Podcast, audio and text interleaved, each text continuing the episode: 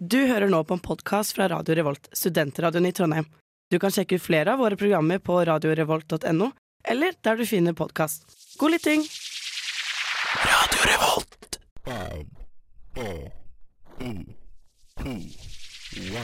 Radio Revolt.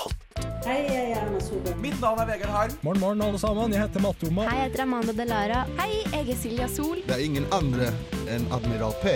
Vi er Lemetere. Det er fredag, klokken er fire. Det er fredag, det er nesten helg. Nå er det faktisk nesten helg. nesten helg. Endelig! Vi tar deg med ut av den kjedelige uka og inn i den deilige helga.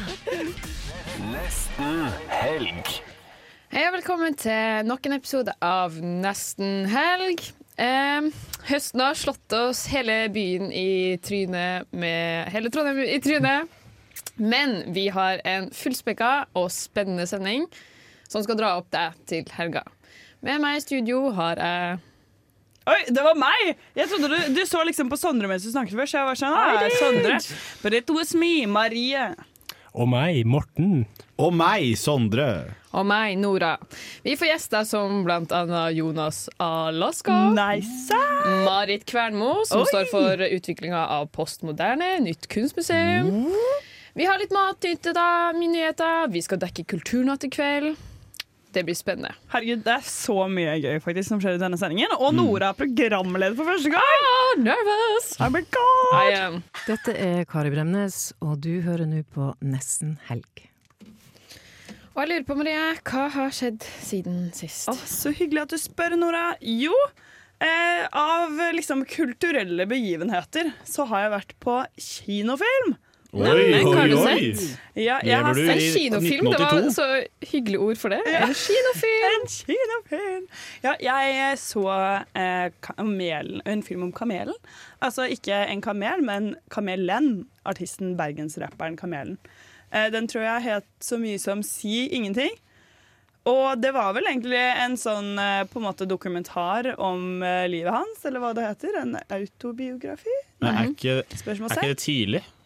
Men det var ikke en sånn dramabiografi, på en måte som at de spilte et skuespill Nei. i biografien? På en måte. Nei, det var ikke noe skuespill. Det var dokumentar. Ja, det er litt tidlig. Jeg tenkte også på det. At sånn, ok, Det kan jo hende at du skal oppleve veldig mye mer spennende, men det kan jo, kanskje det kommer en si noe Altså det blir neste, da. Si noe. Mm. Skjønner du? Den fikk jeg jo ikke noe respons på. Nei. Den er bare hengende. Men uh, uansett, det var en veldig uh, Det var faktisk en veldig veldig rørende film. Jeg, jeg felte en tåre til og med.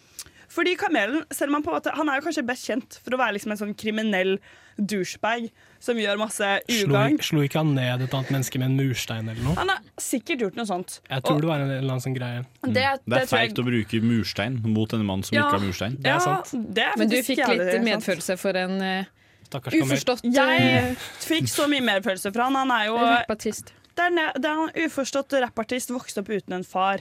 Faren forlot han. Det er fort å få eh, liksom et ømt hjerte for en sånn fyr. ikke sant? Mm. Det fikk jeg felt noen tårer. Det var eh, oppriktig en bra dokumentar. Jeg anbefaler dere å se den. Og hvis dere ikke har så mye respekt for Kamel, så tror jeg kanskje man kan få det. Ja. Så eh, han var, til tross for hans kriminelle image, en, slår meg som en veldig jordnær kamel. Ja, men jeg digger Jeg liker veldig godt å komme liksom under huden på sånne store kjendiser. Det er jo veldig spennende å bare Ja, Ah, you're actually a human being. det er akkurat det. Og som regel så er det jo det. Ja, ja, ja. Bortsett fra Army Hammer. Ja. Han er ikke det. Hva med deg, Morten? Hva har du gjort siden sist? ja, nå som vi snakker om å komme under huden på kjendiser og bli Oi. bedre kjent med dem og finne ut at de faktisk er mennesker, det har jo jeg gjort i helgen. Har du? Okay. Jeg så den eh, dokumentaren om Army Hammer og Ja. familien hans. Ikke sant, der kommer det. Og det var kanskje litt motsatt virkning. Sånn, mitt bilde av han var sånn Å ja, det er han, han dritkjekke fyren fra Call Me By Your Name. um, så Og ser The Social den Network. Og The med de der Social- tvillingene. Ja, sant det. Ja, så så jeg den dokumentaren, og han er jo, han er jo helt gæren.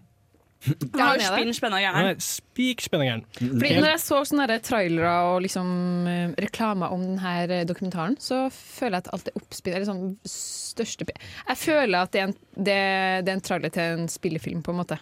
Ja, ja, den er jo ganske sånn uh, Netflix-ete eh, som dokumentar. Det er jo veldig produsert, og det er veldig amerikansk. på en måte. Det er Ja, veldig men, jeg bare mener Historien virker jo helt ja, sinnssyk. sånn, ja. Ja, sånn, ja. Ja, ja, men det er, det, da de anklagene om eh, Ja, For de som ikke er kjent med den saken, så sånn ca. ett år siden, i sånn mars i fjor, så eh, sirkulerte det en del anklager eh, rundt Army Hammer eh, om eh, kannibalisme og kvinnemishandling. Intet mindre. Intet mindre. Og det virket jo helt absurd. Men eh, så har de laget en dokumentar da, hvor de har snakket med en del av uh, ofrene hans. Og det, er ganske, det virker ganske bad for eh, Mr. Army. Fy faen. Så jeg skal ikke si mer enn det, bare se dokumentaren. Det er helt vilt. Jeg må Men, se den. men har han sagt Har han gått ut og snakket om dette? Fordi Det er det jeg jeg, jeg. Ja, jeg lurer på hva mennesket smaker, liksom. Fordi når folk, når, når folk, ja, fordi når folk, når folk er sånn Å, dette smaker uh, sånn slange, for eksempel. Å, det smaker kylling. Er alt, alt nytt folk spiser, smaker kylling. Er det sånn mennesker også smaker kylling? Jeg vet ikke, han eh, nektet å la seg intervjue. Men Ja, ok. eh, det er sikkert det, Det er, første det er ganske, det er ganske, grovt inn, det er en ganske grov innrømmelse av at man er kannibal. Ja, Jeg kan ikke spørre om du er kannibal. Jeg, jeg har ingen kommentar. Sondre, siden sist. Eh, nei, siden sist så har jo jeg eh, Jeg har ikke gjort så mye. Jeg har eh, sett på Ajax. Jeg har spilt fotballkamp. Oh, ja, Ah, Ajax. hvordan gikk det? Hvordan gikk det med Ajax, da? Nei! Nei, vi vant. vi, vi, vi, vi vinner i ligaen, Morten. Vi vinner i ligaen. Ok, Morten, Morten, vi vet du er ganske ny, men poenget er vi skal være totalt uinteressert i Sondres fotball. Må ikke du komme her og engasjere han ytterligere? Jeg tror det blir vanskelig. Ja, nei, eh, Og så spilte vi jo Jeg dømte fotballkamp. Eh, Ja, Åssen gikk det? Nei, det gikk den første kampen Det var den første kampen jeg dømte i mitt liv. Det gikk så jævlig til helvete. ass. Det var- Jeg hadde, det? hadde null kontroll. De folka, de folka Fikk du spurte kjeft? Ja, ja, så bare faen. De folka spurte, de, jeg dømte så dårlig at de folka spurte meg Har du dømt en kamp før. Og så sa jeg ja. Jeg løy jo de folka i trynet. Jeg hadde jo ikke noe peiling hva jeg gjorde. Stakkar. Eh, og så spilte jeg jo fotballkamp dagen etterpå. Og jeg fikk altså ett brannsår på framsiden av hofta, ett brannsår ordentlig på skinka. Nei! Det er faktisk dritvondt. Og, det, og jeg har ikke kunnet sove på uh, høyresiden min. Hele venstresida mi er ødelagt. Jeg har ikke noe, jeg har ikke noe hud der igjen. Jeg. Ah, Så fy fader. nå skal jeg spille en ny fotballkamp i morgen og ødelegge beina mine enda mer. Mm, Hva skjer med deg, Nora? da? Du, det har vært uh, Det har vært uh, mm, Egentlig har jeg lada opp til kulturnatt i hele uka.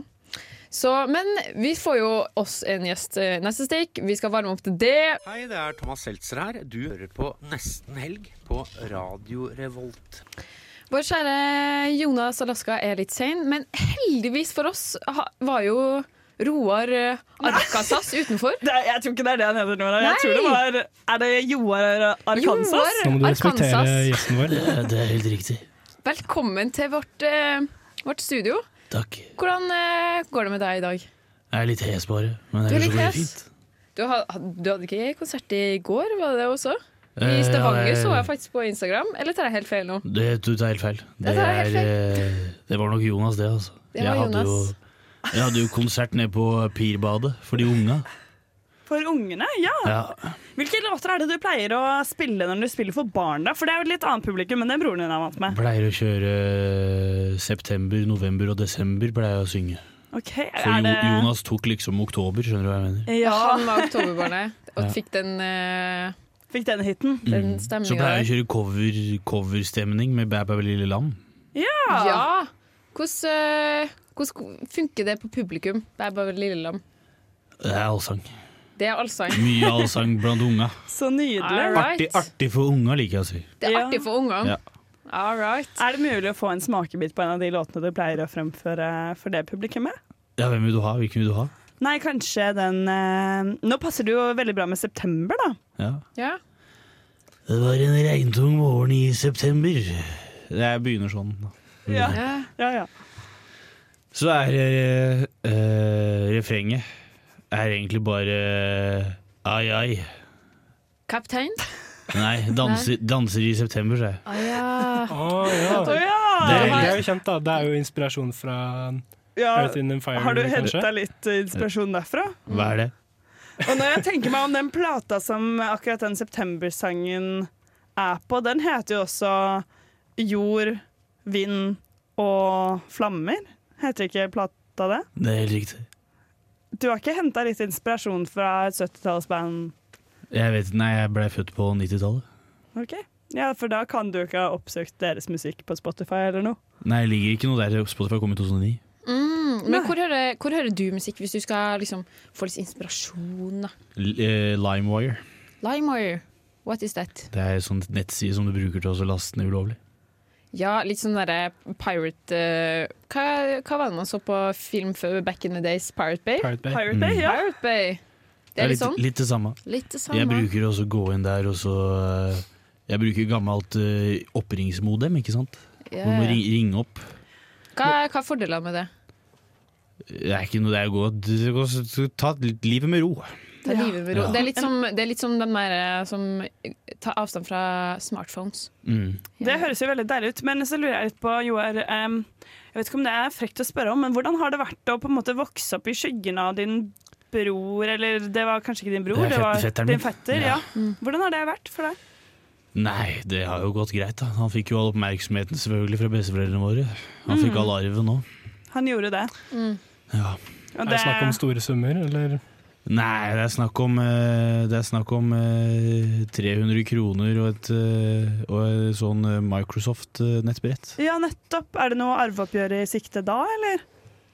Nei, det er jo ikke det. Det blei jo de 300 kronene. da. Ja. Det er jo ikke nok til to sekspakninger engang i dette jævla inflasjonslandet her. Hvordan er stemninga mellom dere to når det er familiemiddag? Nei, jeg pleier å varme opp, da. Mm. Og så kommer Jan Til Jonas familiemiddagen. etterpå. Til familiemiddagen, ja. Ja, Så, nei, for da får jeg spise middag, mens han må spise resten etterpå. Ser du den? Ja. Ja. Ja, det, Så da varmer jeg på scenen. Da har vi har jeg litt av scene, vet du. det er lurt. Men skal du, har du tenkt deg på konserten til fetteren din i kveld, da? På eh, Samfunnet? Nei, Har han konsert her i kveld? Konsert i kveld, halv ti på Samfunnet. Jeg skal jo spille på klubben på Samfunnet. jeg. Skal Ja, du det? ja. Hva er det som er Kan du liksom gi til oss nå lineupen din, eller hva heter det for noe setlisten din? Det begynner jo da med september. Ja. Det var ei dag i september, ikke sant? Mm. Eh, og så går vi egentlig gjennom alle månedene, bortsett fra oktober, selvfølgelig. Ja, for den tar han i Den tar han, ja. Den tar han i storsalen. Mm. Hei, jeg heter Amanda Delara, og du hører på Nesten helg. Roar eh, Arkansas. Nei!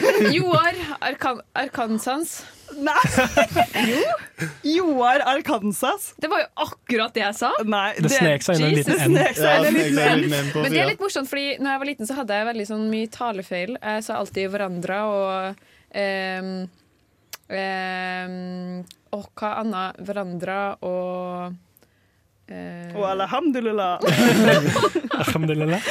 geog geografi. Det, det slengte seg alltid inn en ekstra Geografi. konsonant. Anyhow. Og det var det som skjedde nå. Eh, Joar Arkansas, Arkansas Der var det. eh, måtte Yes. dessverre Han måtte fly av gårde til lydprøve på klubben. Travelmann. Og Jeg syns akkurat som sin eh, spennende mann også. ja, ja, ja, Han var veldig spennende. Altså, veldig spennende. Men han er jo en travelmann, akkurat som sin fetter Jonas Alaska, som dessverre var for sein med flyvninga. Fikk en melding inn på sida her nå. Megaforsinka, landet på verdens nå. Sorry, glemte å gi beskjed.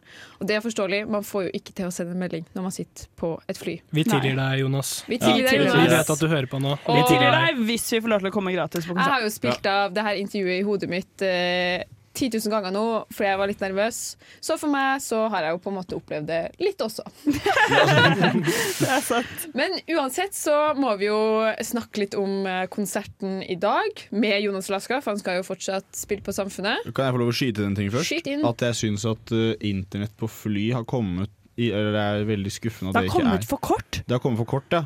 Ja, men Nei, fordi Da kunne jo Jonas ha vært sånn Oi, shit, faen, vi har- skal jo opp bort dit, men nå er jeg uh, 10 000 meter opp i lufta. Wow, ikke enig. sant? Og det er ekstra provoserende at det ofte står at det er wifi på flyet. Mm, og så er det bare og så er SAS det plusskunder som får bruke det.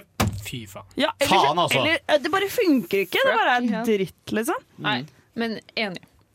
Så det må vi lide, lide sårt av oss også. Det her Ja. har jo ringvirkninger. Her fikk vi konsekvensene av Ikke det. sant? Mm. Ikke sant?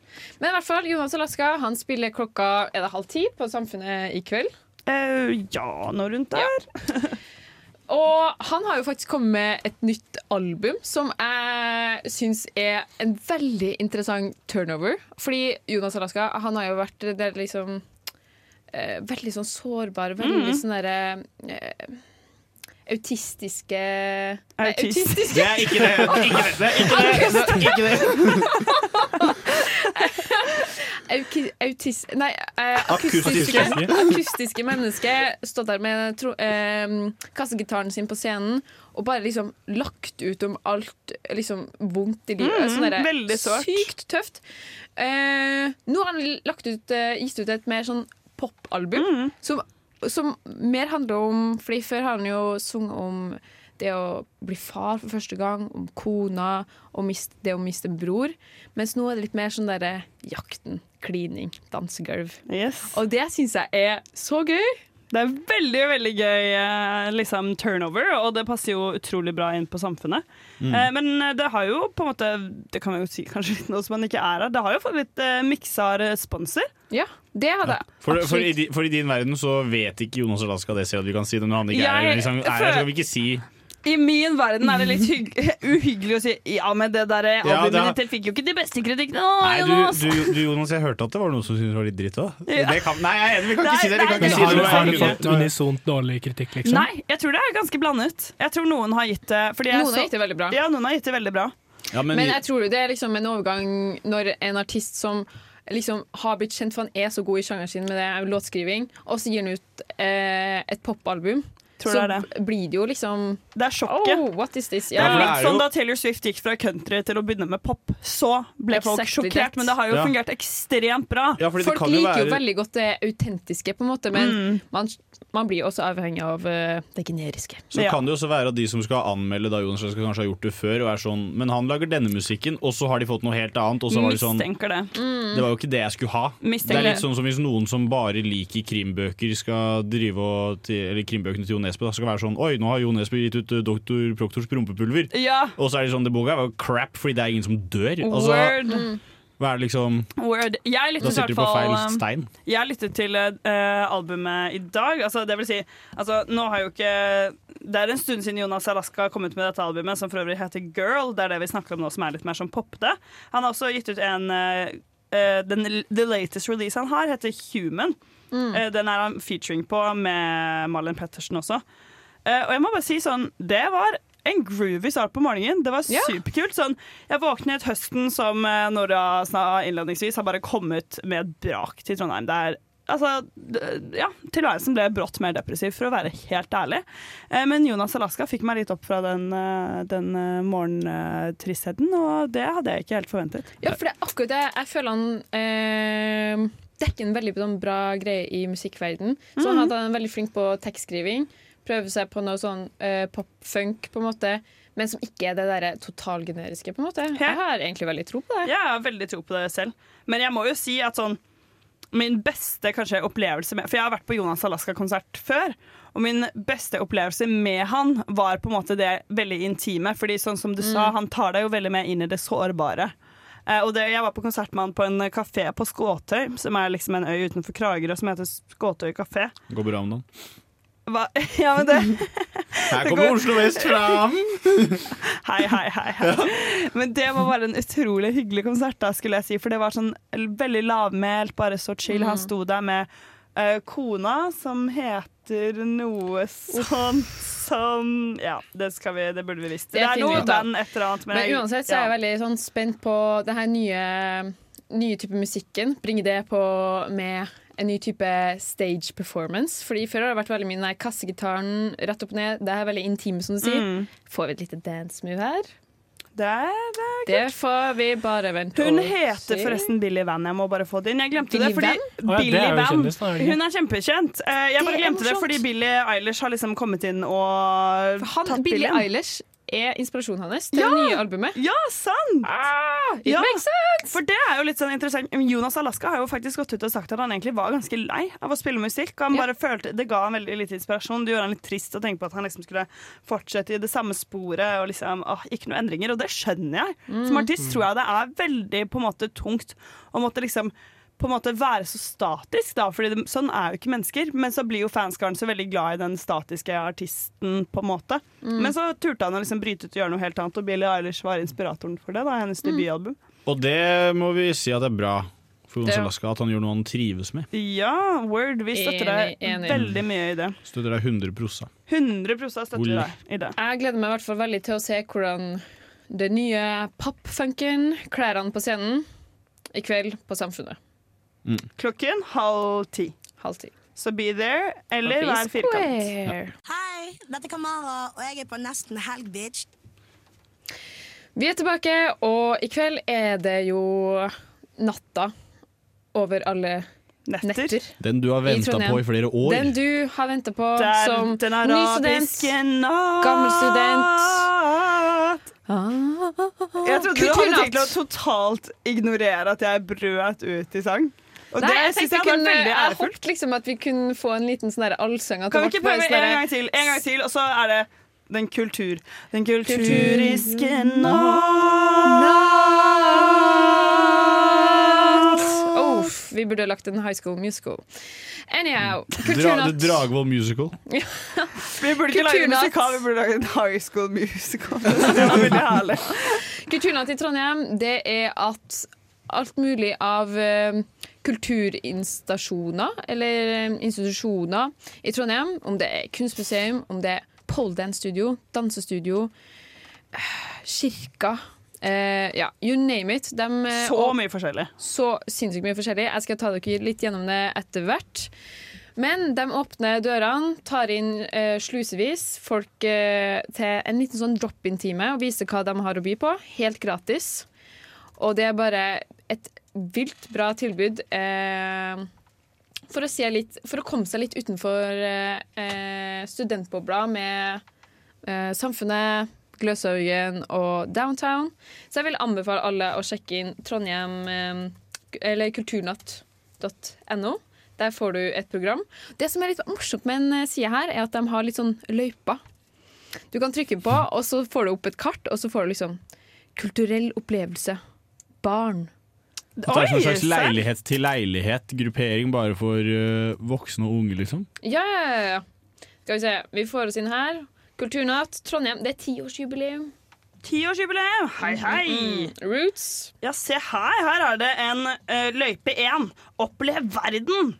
I Trondheim, altså! Kan du oppleve hele verden. Tenk noe så stas. Og så er det kulturell fantasi. Mm. Barneløypa. Gøy. Olavshallen. Nydig, nydig. Ja, det er faktisk et pro tip. Altså, sånn um, Olav, eh, nei, Nidarosdomen. De har veldig mye sånne små hulrom, ganger og opp i toppetasjene der. Der kan man få seg en liten omvisning. Jeg plukka opp et lite, et lite knipe av mine favoritter, som jeg bare tenkte jeg skulle bare pitche inn her. Lesse til oss, ja, please. Ja, ja, ja. Vi har kurs i poledance, som jeg tror er Tror jeg er kult. Det er jo blitt veldig kjipt også, føler jeg. Og det får man jo bruk for senere i livet òg. Det er jo en investering, på en måte. Ja. Investering i livet. Hvis du vil være sexy, jeg har vært på poledancing en gang eh, før i mitt liv, og det er så sykt kult. Det er sånn, Du føler du bare bryter med tyngdekraften, fordi man klarer å løfte kroppen opp på helt usaklig vis. Jeg har så mange venner som bare føler at seg Oh, I found my sassy self. Ja. Og hvis du Jeg så en kar en gang i en sånn OL i eh, Rio eller noe. I 2016 så var det en gammel mann som hadde blitt spurt sånn Å, har du lyst til å sitte her? Og da var reaksjonen hans Han var turner, da, men det er litt sånn det samme hvis man driver med poledance. Liksom, fordi da var reaksjonen hans å bare ta en av de stolpene som går ned, og så bare hang han seg rett ut. Fra den hvis hva jeg mener. Sånn, flagg, sånn derre Hva heter det? Sånn derre øh, flagget? Ja, heter Ja. det ikke flagg? Det er sånn det er godt mulig det heter, jeg vet da faen jeg, men, øh, men han liksom bare gjorde det, og da tenker jeg hvis du er jævlig god i poledance, så kan du bare gjøre det. Ja, man blir Og da kan du liksom når du er fått en 80 ny- gjøre det, da. Ny twerking på en måte på fest. Jeg føler det var litt sånn fett for øh, Fett og fett, men for noen for noen år siden? At man- var litt sånn derre Oh, I can twerk. Men nå Ja. er det kanskje poledance som er At man, tar med seg, at man har en slags uh, bærbar pole som man tar med seg rundt. Ja, det finner man jo, da, men at det er et lite festtriks, da. Jeg husker at jeg oppriktig vurderte litt å kjøpe en sånn derre pole-stang for å ha i kjellerstuen. Der ser du, Men så, men så lot det seg ikke gjøre, da. Mine foreldre syntes de var ikke helt på glid med den ideen. Nei, det skjønner jeg. Men når du har dansa deg sliten eh, til poledance-kurs, kan du dra videre på live graffiti på Galleri eh, Drops. Å jaggu! Altså, sånn, det må jo være litt altså, Tegra ser jeg for meg som så kule folk. Altså, bare å stå og se på det. Og det er fascinerende. Altså sånn, og hvis du ikke kommer deg dit på Kulturnatt, så se deg i hvert fall en sånn TikTok-video om det eller noe. For det Mm. er så kult å se på folk som er gode i graffiti. Veldig fascinerende. Mm. Men hvis du er den mer alternative typen, eller har lyst til å utforske det her, som jeg er veldig for, tai chi og kinesisk te på Trondheim Tai Chi Senter. Kult! Eh, Hva er tai chi igjen? Uff, er ikke det sånn eh, f- luftdans? Nå ser jo ikke dere lyttere, men jeg beveger meg Ja, du Jeg har veldig grasiøse bevegelser Veldig spark. Men er det, er det, kamp, er det kampsport i adjacent, liksom? Jeg føler det, det, er, Det det er en en blanding slags- av dans og kampsport. Det er en sånn capoeira-greie. Ja. Ifølge Wikipedia så er det en kampsport. Det er en ty type kinesisk myk indre kampsport praktisert i både forsvar og for dens helsemessige fordeler kombinert med stressmestring. Mm. Så er det noen som også har stilt spørsmål er det, yogabobla. er det bedre enn yoga. yoga. Og det er jo veldig gøy, fordi tai chi Hvis du, på en måte, hvis du er litt sånn eh, opptatt av å være der før alle andre var der, så tenker jeg altså, da må du komme deg på den tai chi-greia. Fordi yoga tok jo av for liksom, ikke så lenge siden. Mm. Og nå er det jo på en måte super basic. Hvem som helst kan dra på yoga. Det er ikke noe spesielt med det. Tai chi It's gonna be that yoga soon. I think altså. so too. Men min eh, kanskje største anbefaling var Lions of Africa. Det er en sånn Afrobeat-konsert. Jeg tror det Ja, blir veldig mye glede, veldig mye trommer. Altså, sånn, trommer tror jeg har en veldig god innvirkning på oss på, i Kirkens Bymisjon. Ellers vil jeg bare droppe Vi kan ikke gå gjennom hele programmet. Jeg vil droppe litt sånn stikkord. Det er k-pop-dans, det er diskopung, poesikveld, karaoke, rave. Diskopungen ser så jævlig fet ut. Vi skal snakke mer om disko Kanskje ikke diskopung, men pung. Vi må snakke mer om det senere. Er sønnen min kannibal? Familieråd på nesten helg. Familieråd er spalten der vi i Nesten Helg gir eh, desperate, eh, slitne eller bare undrende foreldre et lite råd. Og Morten, du har eh, funnet fram noe litt spennende, litt morsomt eh, som vi kan bryne oss på her i dag. Ja, jeg har vært og gravd litt på kvinneguiden.no, og jeg har funnet et spørsmål her som kommer fra en anonym bruker, som eh, har tittelen 'Barn og idrett, er jeg for streng med datteren min?' Oi, å nei, nå kommer det sånn Ing- Gjert Ingebrigtsen, sånn skummel forelder. Jeg får bare med en gang flashback til hun der gale dama på tribunen på håndballkamper som bare Ja, Ti år og bare Kom igjen! Du klarer det! Å, herregud, jeg kom på en ting. Og så bare skjelle ut dommeren også. Da jeg jobbet på barneskolen, så var det en far som sa til eh, sønnen sin Han skulle klatre opp i en sånn der, eh, et tau, og så fikk han høydeskrekk og var sånn Nei, nå vil jeg ned. Og så roper faren Nei! Husker du mannen som ga opp? Og så sier, eh, så sier sønnen sånn «Eh, Nei. Nei, nettopp! Det er det ingen som gjør! Oh my god. Det er, word, det er litt word, da. Det er ingen som husker de som gir opp. Det var så sykt! Man husker det hvis de tar livet sitt. Men eh. Å, fy faen! Nei, vi må få et spørsmål. Ok, jeg kjører i gang. Eh, hun, snakker, hun dama som er sendt inn, snakker om datteren sin, altså. Ok, Det begynner sånn her. Hun går i sjette klasse og går på håndball. Har gjort det siden hun var seks år. Hun har hele veien vært uh, egentlig ganske god, men har det siste året merket at hun har blitt litt lat. Hun gidder liksom ikke gjøre sitt beste, ver verken på kamp eller trening, og lener seg litt på at de andre skal gjøre jobben, virker det som. Vent litt, sa du seks år? Eh, nei, hun går i Sjette klasse. klasse, Ok, og hun har spilt håndball siden hun var seks år. Skal vi se. Eh, så nå har jeg sagt til henne at hun må skjerpe seg, at hun må gjøre sitt beste både på trening og kamp, og ikke stå og se på at de andre gjør jobben. Hun må også bidra, fordi jeg vet at hun kan bedre. Er jeg for streng, eller er det greit å si ifra at hun må skjerpe seg? Hun synes det er gøy og vil ikke slutte. Absolutt ikke for streng. Det, er, eh, det viktigste prinsippet i trening er at man alltid gir 100% For hvis man ikke gir 100% på trening, så kan man aldri gi 100% i kamp. Så her er jeg fullstendig enig med moren. Her må vi ha litt kildekritikk, for det her kommer fra Sondre, som eh, Som er aldri eh, har eh, Han er en treningsnarkoman, Han er det kan vi vel kanskje diagnostisere han med. Plutselig kommer han liksom ikke til et møte fordi uff, jeg er litt syk, men eh, akkurat på halvmaraton nå, så kan ikke, kan, kan Ja, ikke bli med like, der kan likevel. han på eh, være måte. med, selv om han eh, spyr og har brukt et ben. Og sånn Mm. er Sondre, da. Treningsspiralen er i hvert fall Det er på fordi det er viktig å være med i konkurranse. Det er viktig å konkurrere og vise man er bedre enn alle andre. Jeg er faktisk eh, Det er min uh... Jeg er veldig sånn uh, delt. Jeg synes det er liksom Ja, det er viktig for liksom, team on og liksom, å prøve sitt best. Eller sånn der, eh, være der når man er der når man holder på med idrett. Men herregud, det er jo barneidrett. Man skal jo, det er jo just for fun. Ja, det er det jeg- jeg tenker når jeg leser her. Fuck hun moren her, liksom. Ja. Nei, jeg- Hun, jeg- hun, går, her- i, hun går i Det jo sjette klasse. helt- Her er jeg uenig, fordi det er ikke noe morsomt for alle de andre som må dra lasset. Har dere noen gang vært på gruppearbeid, og så er det en person som ikke gjør noe? Det er sant. Ja, Så her må vi rett og slett Den ungen her fortjener eh, å, å få litt kritikk, altså. Fordi hvis du, hvis du bare er med på laget uten å gjøre noe, Strengt, dra til helvete. Strengt uenig. Å, fy fassan i gatene. Altså, sånn der, idrett skal være for alle. Altså, sånn der, det, Ja, er jo, det, jo, lag, det er jo en rettighet å få holde på med idrett og fysisk helse og liksom det sosiale med det. Sånn, ah, om hun er litt sånn der, slapp på ba banen, men at hun liker det. Altså, sånn der, herregud, jeg takka Gud for at uh, kiden min lik, Ja, likte det. Liksom. liker å være i fysisk aktivitet og faktisk ikke vil slutte. Ja, og ville møte venner på trening. Altså sånn, oh, ja, jeg, var faktisk, jeg var litt uh, usikker på dette dilemmaet innledningsvis, må jeg si. For jeg tenkte at sånn, jeg opplevde ikke hun moren som veldig streng, men når dere sier det med at sånn, ok, det er barneidrett, og det er sant For jeg føler det punktet hvor barneidretten begynner å bli tatt seriøst, det kommer så innmari tidlig. Jeg husker da jeg gikk, det tror jeg seriøst var i sjette. Kanskje syvende. Da skulle jeg liksom på audition til et sånn elitelag i hiphop. Da hadde vi begynt med det. Og da gikk man liksom fra to, uke, eh, to øvinger i uken til liksom fire pluss forestillinger og konkurranser i helgen. Ja. Og det er en ganske hardcore overgang. Jeg bare syns det er helt lættis at liksom jeg her åtteåringer skal være mer seriøse enn sånn der for eksempel studentlag da, i forskjellige Mhm. idretter. Det er jo sånn rumpeldunk, man kudder litt rundt, og så tar man seg en fest, på en måte. Men som åtteåring, da skal liksom opp klokka seks for å trene før skolen. Altså, det er jo helt psyko. Som en person som har dømt eh, kamper i den eh, studentligaen, så er det et par stykker som tar det jævlig seriøst. Altså. Uten at jeg kan nevne noen navn. Men, så- eh, som en person som har bevitnet uh, misteren som snakket nå, spille mot uh, forsterkerkomiteen, så kan jeg bekrefte at Sondre er en av disse. Eh, nei, ikke studentligaen, faktisk. Da, har jeg, da gjør jeg det for moro skyld, for det liksom men det var ikke Studentligaen, dette her var ja, fordi eh, når folk, samfunnet. når folk sier til meg dette er et hatoppgjør, da hater jeg de menneskene med eh, Det fullt er ut. altså Jeg vil, har nesten lyst til å legge det ut på Instagram, bare for å på en måte vise det til alle. For det hatet man kan se i Sondres øyne altså sånn, Sondre er ikke en veldig sånn intimidating person. Han er veldig snill og hyggelig og omgjengelig, men fy faen på Ja, den fotballkampen. Da var jeg redd for deg. Ja, men han ene fyren øh, øh, kalte meg jo fag. Oi. Og, Hva? Så teit. Og, og da føler jeg sånn Hva om det er noen homofile, da? Som gjør at han bruker det som et skjellsord fortsatt? Ah, lol, som om det var det du tenkte.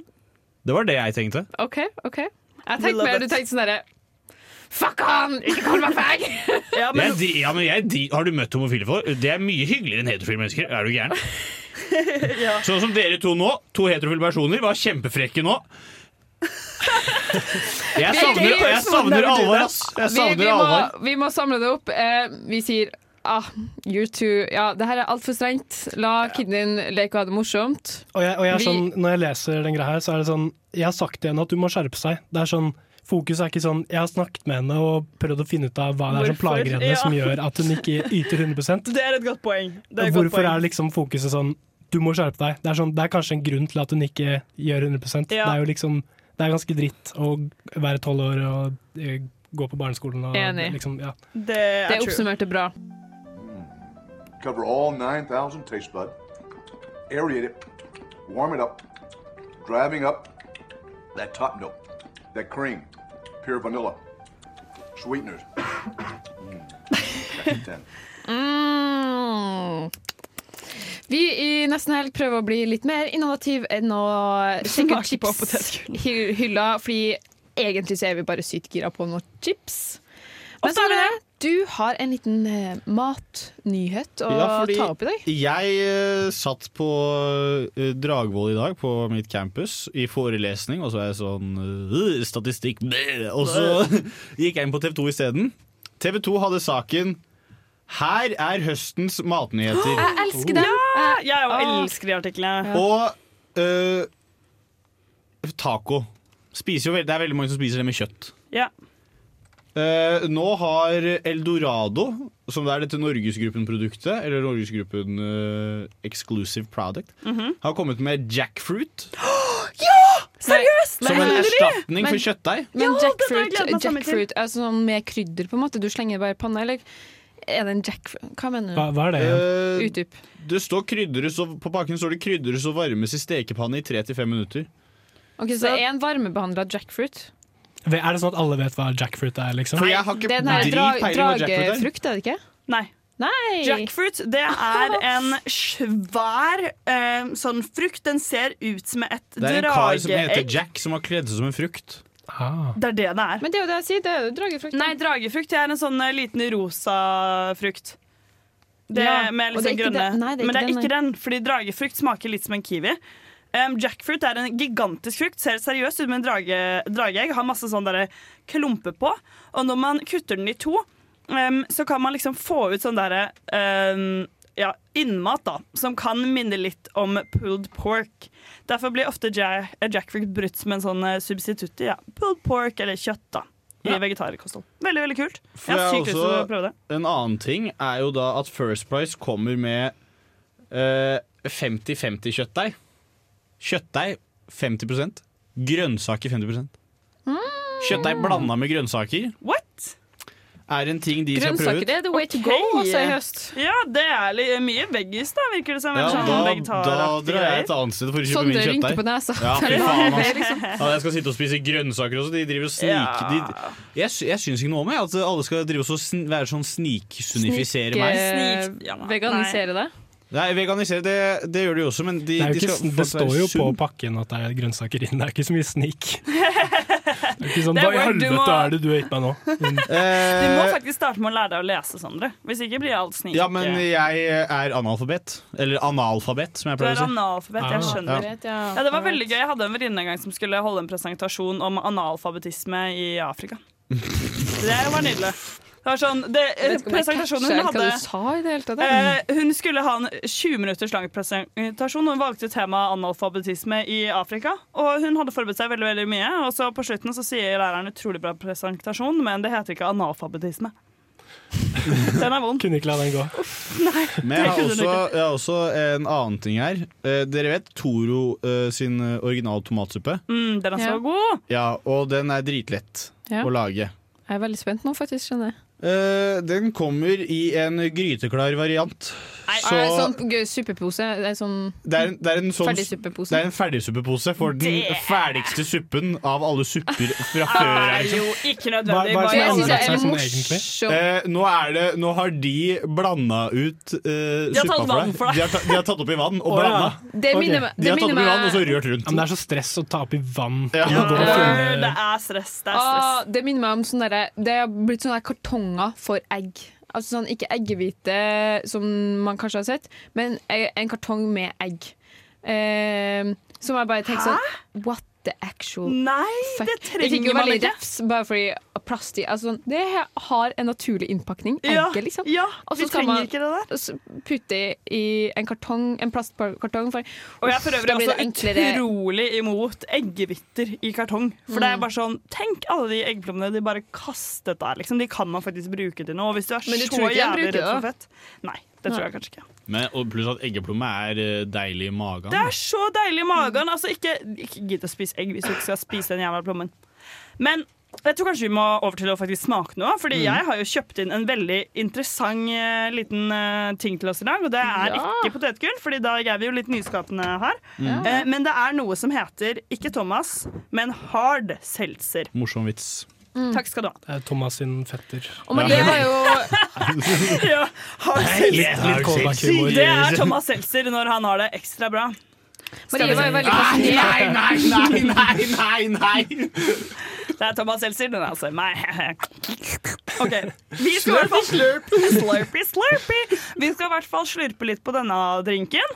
Den er ca. 12 cm lang. Eh, Forma som en Over, sylinder. over gjennomsnittet, altså. Over Ja, den ser stor ut, den. Den ser stor ut, den. Og bra, bra liksom sånn, og passer fint Ser i ut som en energidrikk. Ja, takk for at du gjør Det var så et eksempel på. Nora, som egentlig har falt litt ut av samtalen. Henter seg inn igjen. Ja. Nei, men det var Vi elsker det. Vi elsker det, vi lever for det. Vi skal først smake en hard seltzer med smak av mango og eh, passion, eller pasjonsfrukt. Du kan egentlig bare åpne din der. Nå hører vi. Mm, åpner. Oi. Åh, der fikk jeg Den squirta i trynet mitt òg. Det var en Thomas Seltzer som var rimelig, en hard seltzer som var rimelig fornøyd. Ja. Så heller jeg litt oppi koppen til Nora her. Og du heller helt grusomt, men det er OK. Nei, men Det var for at det, man skulle høre det i mikken. da, Nora. Og så tenker jeg vi tar en liten smak. Det var en mening bak det hele. Oi, det lukter veldig godt, da. Å, fy faen i helvete, det var jævlig ekkelt. Ja, det var faktisk Det, var ikke, det der er ikke godt, altså. Hæ? Det var jo Jeg helt, det det var var ganske- ganske digg. Jeg syns den var ganske god. Jeg føler Nå skjønte vi liksom hva- eh, hvem som liker øl, og hvem som liker s- Nei. Sånn derre crush på fest. Det var veldig sånn Ja. søt, veldig sånn falsk eh, tilsetning. Ja. Min- Minner meg om Det en sånn smaker- zero, det- det minner en av om de IPA. ekle Zero-saftene med kullsyre i. Det her er, Det elsker jeg at du sier, for det skulle jeg si òg, men forskjellen her er jo at jeg elsker jo Zero-saft. Og jeg har jo en mango og et eller annet ananas eh, Zero-saft hjemme nå som ligger og venter på meg, som jeg syns er utrolig god. Men den syns jeg òg er ganske god. Den er god. mm, jeg Jeg syns dette her var litt i samme gate, bare med alkohol og kullsyre. jeg er veldig glad i Zerosoft, jeg òg, så da har vi kanskje funnet Jeg tror vi har funnet en common ground akkurat der. Ja, for Eh, jeg er glad i pils, altså. Og dette her var lite pils. Men sånn folk, folk drikker mango-ipa og sier mm, det, Eller sånn folk liker Det, det syns jeg det er helt sjukt for meg at folk liker mango-ipa. Det er kanskje en brannfakkel. Det tror jeg kanskje er en brannfakkel. Er, den er, du får 100 støtte hos oh, ja, meg. Altså, det, er jo, det er jo piss, liksom. ja, det er helt Men, Men jeg syns samme om generelt at juicy? IPA er jævlig ekkelt. Altså. Ja, ja, ja. Men hva sammen Det er en bra fakkel! IPA er jævlig digg. Nei, Jeg er ikke så fan av. IPA. Hva, hva, er- hva er bare galt med vanlig øl, liksom? Ja. Man blir lei av det. Fordi det er det jeg syns er så nydelig med seltzer. Fordi jeg er også veldig glad i øl, men når jeg er på på en måte øl nummer seks, Enig. så syns jeg det er utrolig kvalmende. Jeg er Ja, men det en Det er fordi pølsesider da med er du meg. drita, og kroppen din sier 'nå har du fått i deg for mye gift'. Du må få Men- det opp. Det er derfor folk kaster opp når de er på fylla. Det, takk for at du skjærer. Konklusjonen blir jo etter fire pils skal du, på, skal du på fylla, så ta med deg en uh, tubeboard seltzer og ta, ta mellom uh, Ta i midten av denne sekseren. Men du, baby, vi skal smake på en til. Ja, vi skal det, ja. Ja, Så jeg tror Yes, du skal da- dra helt uh, ennå, holdt jeg på å si. Det kommer en til her. Oi! Den squirta også i trynet på meg. Ja. We love that for me. Ja, det er ikke okay. Det er eh, vanlig, vanlig Dere for får det. Dere får smake litt, så må jeg bare ut og hente en liten gjest. Oi, vi får en overraskelsesgjest. kommer seg inn eh, døra. Så stas. OK. Og nå skal vi smake da på strawberry and kiwi. 4% alkohol, det er seltzer igjen. Og det smakes. Ja, baby! Den er god. Den er Men jeg har, Den er funnet, god. jeg har funnet problemet med dette her er at det er bare sånn artificial fruit taste. Skjønner du hva jeg mener? Men vi Zero Soft Lovers har ikke noe problem med artificial fruit taste. Nei, We love men- that for us. ja, men så kommer du til han 55 år gamle mannen som liker solbærsirup. Ja, men jeg liker solbærsirup, jeg òg. Det er dritdigg. Vi bare liker alt. Vi Nei, bare er er- utrolig aksepterende. Nei, jeg syns det er mutually exclusive å like solbærsirup og Zerosoft. altså. Det går ikke. Nei, du, slutt å tull. Slutt å tull. Um, vi har i hvert fall smakt på seltzer. Eh, det virker som at vi har to fans i, eh, i rommet mitt, og det er eh, Morten og meg. Og så har vi to ikke så på glid Nå fikk jo ikke Nora smakt den siste, her da, for vi måtte jo gå og hente denne overraskelsesgjesten vår. si. Innså det er egentlig ikke en overraskelse. Vi sa det innledningsvis, men i tilfelle du har glemt det, så blir det en overraskelse. De var ikke så fan. Sondre var ikke så fan, men det er greit. Liker du artificial, så smak på det. Få kalorier. Jeg er Silja Sol, og du hører på Nesten helg på Radio Revolt. All right, vi er tilbake. Vi har fått med oss to spennende gjester som eh, skal ha Vi har jo nettopp snakka litt om Kulturnatt, og dere skal ha et innslag på Kulturnatt på Rosendal eh, teater. Vi har med oss Marit Album Kvernmo. Right. Karl Martin Rosenkilde Farby. Hyggelig. Mm. Hvem er dere? Skal jeg få lov å starte? Ja. Eh, jeg er jo da relativt eh, nytilsatt direktør for det nye kunstmuseet som skal komme midt i Trondheim sentrum, Posten Mm. Moderne. Eh, Jeg har jobba der siden i mars. Eh, Vi hadde en, eh, et lite glimt av hva vi skal bli forrige helg. Ok. Eh, og vi har jo plassert en regnbue på taket for å skape litt begeistring og litt nysgjerrighet på hva vi skal få til når vi åpner høsten 2024. da. Så det er meg. Så kult. Ja. Eh, jeg eh, jobber jo som eh, vi kaller det program, programkurator på Kunsthall Trondheim. Kunsthallen er den her kunstinstitusjonen som ligger rett ved siden av Seljander og Litteraturhuset. Nede i byen der, og vi åpna for seks år siden. Og jeg driver liksom med alt det som skal prøve å skape liv inne på kunsthallen, så alle sånne arrangement og diskusjoner og debatter og konserter og alt mulig annet som vi har. Så hvis det er noen studenter der ute som har lyst til å gjøre annet gøy på en kunstinstitusjon, så er det bare å ringe på Kunsthallen. Shit, så utrolig kult. Det er jo veldig fint å vite. Spread the message til alle studentene der ute. Eh, Jeg tenkte å starte med å stille spørsmål om eh, eh, Om Hva kalte du det? Posten Trond... Nei, hva posten, heter det? Postmoderne. Moderne. Posten Moderne. Fordi Ja. Postmoderne heter vel kanskje det fordi dette var tidligere hovedpostkontor i Trondheim? Stemmer det? Det stemmer. Det står jo et uh, smykkeskrin av en jugendgård midt i Trondheim sentrum, uh, som har vært åpent og vært uh, offentlig postkontor, eller hovedpostkontor, egentlig Mm. helt siden 1911. Og var åpent i 100 år, før det da stengte ned og det ble Post i butikk, og bygget egentlig har vært eh, kontorlokale. Og nå har eh, familien Reitan eh, kjøpt huset og ønsker å fylle det med kunst og kultur og åpne det for byen og åpne det for publikum igjen. Så, Det er spennende. For lytterne som ikke vet helt hvor det her gamle postkontoret er, så er det vegg i vegg til høyre for lokal bar. Så veldig sånn Det vet dere hvor er. A cultural street, ja. Veldig, veldig flott. Uh, rett eh, ved siden av. Kunsthallen, ikke minst. og altså. rett rundt hjørnet har vi Så det jo Kunsthallen og KUK. Ja. Ja, det blir jo et skikkelig kunstnerkvartal. Eh, Men hvordan var det for deg å få ansvar for det prosjektet der?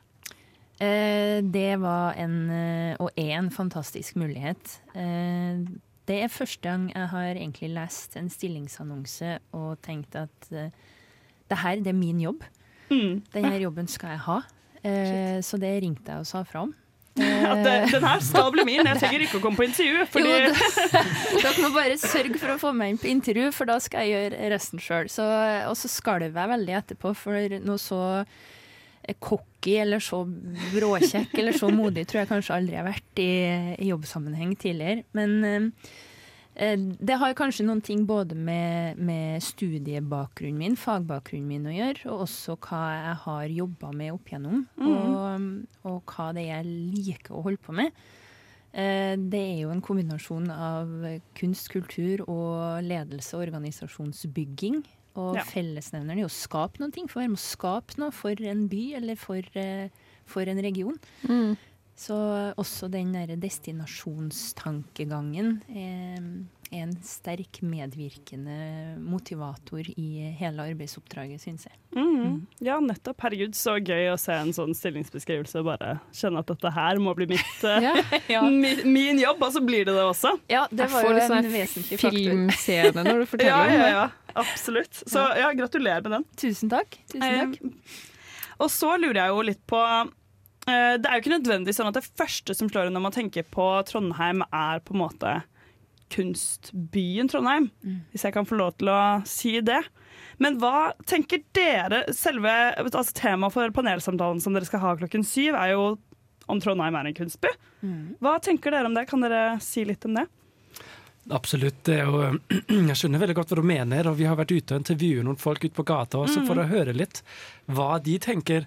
Um, jeg har selv flytta hit for seks år siden, Ja. um, og jeg tenkte jo ikke på, på, på Trondheim som en, som en kunstby. Jeg har flytta hit fra København. Unnskyld. Og det er kanskje litt mer sånn Københavnere har kanskje litt mer sånn identitet som Jeg husker da jeg dro fra København, så var det 180 festivaler i august i København på det tidspunktet der. Ja, så det var liksom sånn helt inflasjon. Men det var sine grunner til at jeg egentlig hadde lyst til å flytte. For det var, det var liksom det var så mye at hver gang man gjorde et eller annet, så, så forsvant det nesten. Det blekna litt, liksom. Det er liksom bare hele tiden en sånn eh, Så jeg fikk liksom lyst til å prøve å gjøre et eller annet som man liksom kjente at man gjorde en forskjell. Mm. Men i hvert fall det jeg skulle si, det er bare at det har skjedd så sinnssykt mye i Trondheim de siste årene, den tiden jeg har bodd her. eh, Ikke på grunn av meg, men, men liksom bare i denne tiden. eh, Det er helt utrolig. Og jeg tror det som debatten handler mye om i kveld, er egentlig det at vi har fått så vanvittig mange institusjoner. Nå kommer Posten, vi har fått KOK, Rosendal Teater har flytta. Det har skjedd masse ting, men det er ikke sikkert at publikum egentlig har fått det med seg. hvor ville kulturmuskler Trondheim egentlig har fått Hvordan- i løpet av de fem årene. Hvordan tror dere at man skal få publikum eh, på en måte med på det? At Trondheim faktisk er i endring og er på vei til å bli kanskje mer en kunstby? Det er superinteressant, for jeg satt og så på de intervjuene som, som Rosendal Teater har gjort, og det da går igjen, går igjen syns jeg, det er synlighet. Mm. Folk, eh, det er noe med mange snakker om at det ikke er så veldig mange skulpturer ute i byrommet. Det er liksom sånn, Man kjenner det liksom ikke inn når man bare går sånn rundt. Eh, I museet for eksempel på Kulturnatten så er det masse mennesker som er ute på gata. Superkult, og det er blitt markedsført, det er tydelig.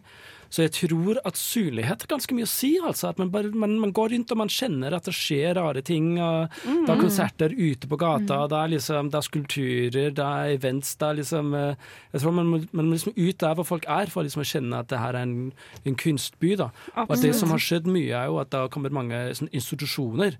Men vi er jo litt bak eh, vegger og, og vinduer og så videre. Ja. Mm. Så det er kjempespennende. Jeg vet ikke helt hvordan, men, eh, men det er jo noe av det som vi skal snakke om i kveld. da. Ja, for det er jo kanskje det som er forskjellen nettopp på et museum og type en skulptur. At skulpturen oppsøker nesten deg, du bare går og så blir du eksponert for Mm. kunsten. Mens museet må du på en måte aktivt oppsøke for å kunne ta del i kunsten som er der inne. da. Mm. Men hva tenker du eh, litt sånn på det samme spørsmålet, Marit? Er Trondheim på vei til å bli en kunstby? Hvordan skal, man, hvordan skal trønderne få en identitet som på en måte kun, kunstnere, eller hva man skal si? Ja, nei, det, det der er jo et eh, Hvis noen visste svaret på det, så hadde han jo uh, sluppet å ha den paneldebatten. Ja. Um, ehm, nei, eh, det blir jo flere perspektiv man kan ta på det spørsmålet, men personlig jeg har jo også flytta til Trondheim. Uh, Riktignok lenger siden enn Karl Martin, men eh, eh, for meg så har jo Trondheim vært kunst- og kulturby før jeg kom utafra. Ja. Eh, Så det var jo hit vi dro for å få en kunst- eller kulturopplevelse. Mm. Eh, vi, jeg, jeg kommer fra Håvin. Det var, fem, det var fem mil å kjøre hvis du ville på teater. Ja. Eh, bussen gikk fra Løitenhaven, så vi, vi, hvis vi skulle på kino, så dro vi jo til Trondheim. Så måtte vi velge film etter hva som passa med den siste bussen hjem. Og ikke nødvendigvis hva vi ville se, men det var, for meg så var jo Trondheim eh, den arenaen eh, for kunst- og kulturopplevelser som jeg dro til. Sånn at um, For meg så er det en kunst- og kulturby, og har alltid mm. vært det. Og uh, jeg har jo også tatt, uh, tatt studier og fag som gjør at jeg har, uh, har hatt egentlig en sånn Dannelsen min på de ulike kunstinstitusjonene i byen, mm. vil jeg vel si. Så at jeg, jeg tenker at Trondheim har alltid vært det, og det som gjør at jeg tenker det, er jo godt innhold.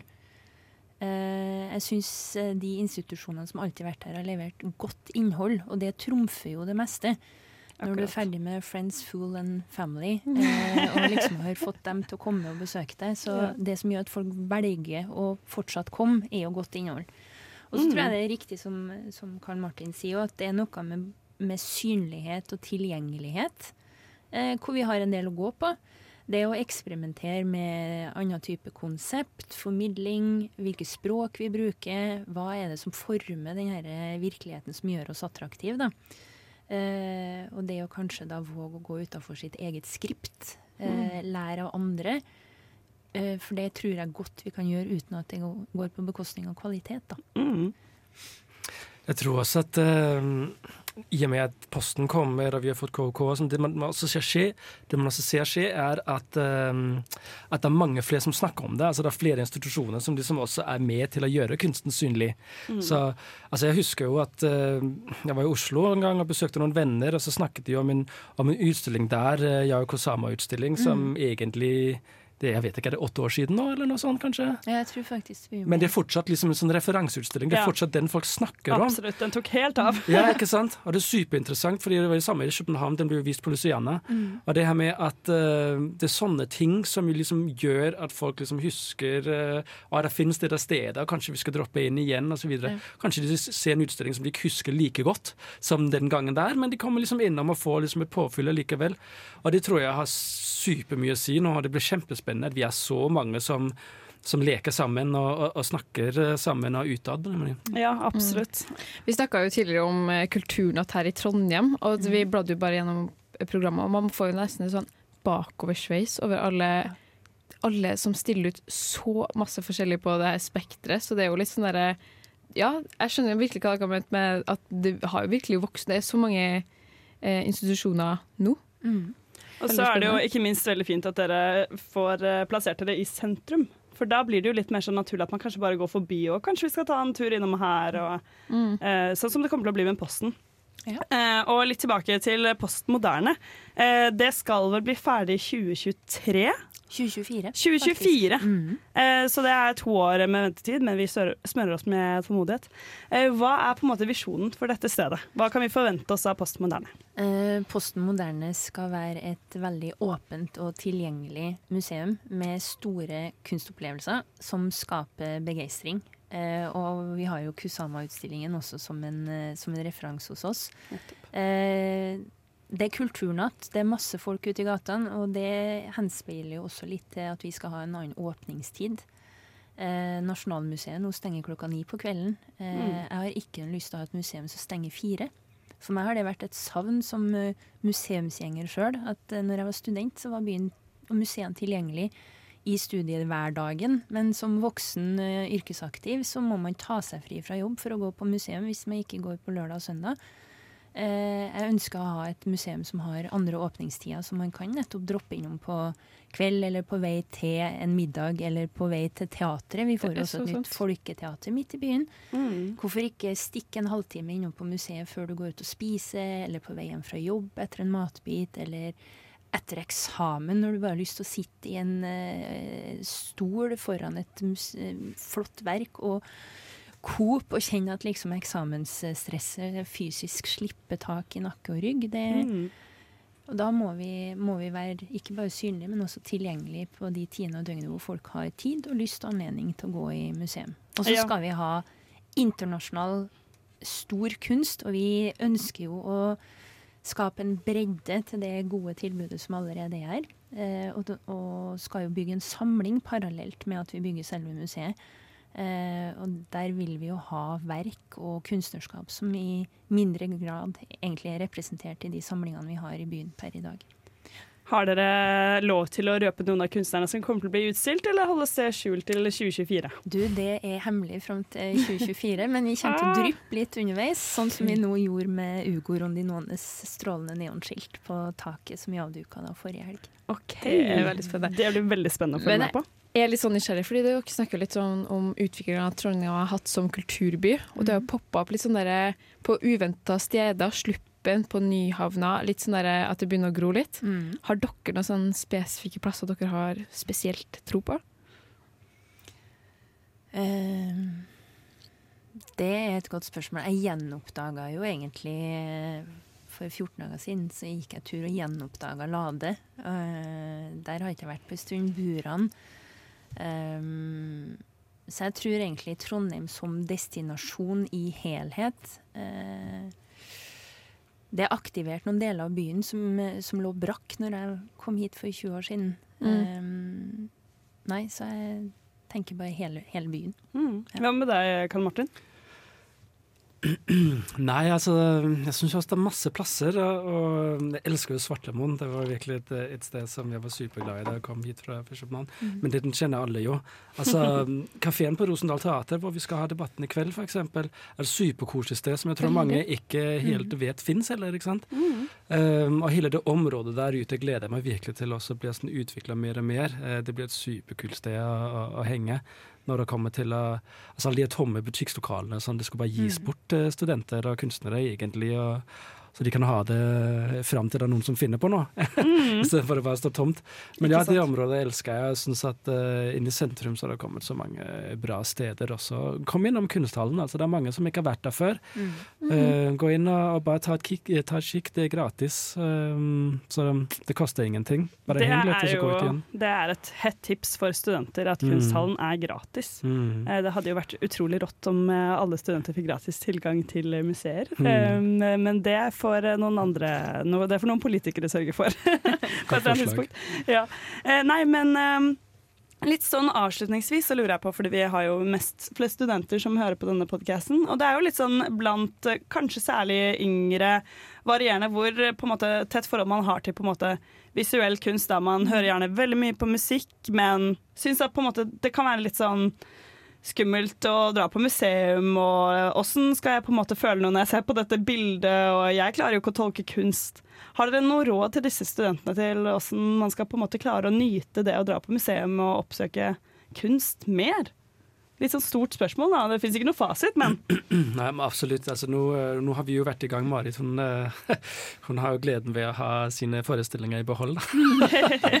Men eh, Nei, altså det, jeg skjønner veldig godt det. Det er så mye som liksom kan virke fremmedgjørende når man kommer inn Mm. på et museum eller på en kunsthall. og og, eh, nei, jeg tror virkelig det er med Snakk med folk, folk som jobber der, er ofte superhyggelige og vil veldig gjerne liksom snakke, men det, det kan være litt sånn skremmende. Ta en prat med dem. Hva handler det egentlig om? Hva er det egentlig som foregår her? Ofte så er folk så redd for liksom å spørre om sånne ting, for å bli dumme. Ja. Ikke noe vi elsker mer enn å få lov å liksom sånn snakke om det. Mm. Eh, så ta, ta en prat, og kanskje man til og med kan få seg en kopp kaffe eller et eller annet sånt. Men og så går man inn og bare slapper av og liksom ser på det som man ser på alt mulig annet. Går du en tur i skogen, går du en tur inn i byen og bare kikker. Det trenger ikke være mer komplisert enn det. Bare kikk. Altså, nå viser vi film, eksempel, eh, og det er jo også et sånt medie som er sånn relativt enkelt liksom, å gå til. Film har vi det meste et forhold til. De fleste av oss et forhold til. Eh, bare sette seg ned, slappe av, eh, se på en film en halvtime. Altså, det som de kunstnerne sa, som var så fint med dem som utstiller nå, Meterheven, de sa at eh, vi jobber egentlig ikke så mye med film hvor det er sånn at det liksom er et forløp, at det er en historie som går igjen og igjen. Det som vi syns er morsomt, er at vi liksom viser bilder, og så plutselig om en uke kanskje, så er det sånn bilde som du kommer til å tenke på igjen. Å så var det det der. Og min måned har det et annet bilde. Altså, det er jo sånn hjernen vår eh, fungerer. Så, de, eh, så det der med bare å gå inn og se på et eller annet, altså, som en sånn kjent dansk eh, dikter sa igjen i dag, opplevde jeg noe som jeg håper på å forstå om noen dager. Jeg tror Ja, ofte det, det er det. Man skal ikke ha så høye forventninger nødvendigvis, man kan bare kose. Det, er- det er nydelig sagt. Og så, ja, jeg bare henger med på den og tenker at, tenker at et, eh, et møte med, med visuell kunst eller visuell kultur da ikke er en prestasjonsarena. Det er en læringsarena. Og istedenfor å tenke at du må gå dit alene og forstå det før du deler opplevelsen med noen, så ta med deg noen. Vær nysgjerrig sammen. Og det er akkurat det samme å gå inn i et kunstmuseum som det er å dra på en, en musikkfestival. Noen artister har du hørt om. Noen møter du for første gang og blir positivt overraska. Noen har du forventninger til og tenker at det traff ikke helt, eller kanskje var det formatet som var feil, eller konteksten som ble gæren akkurat der og da. Men bare lave skuldre, nysgjerrighet og gå sammen. Still spørsmål, vær nysgjerrig, skift perspektiv, og tenk at her er det muligheten til å være en svamp og bare absorbere nye inntrykk, og så deler man det på lokal eller et annet sted etterpå. Um, ja.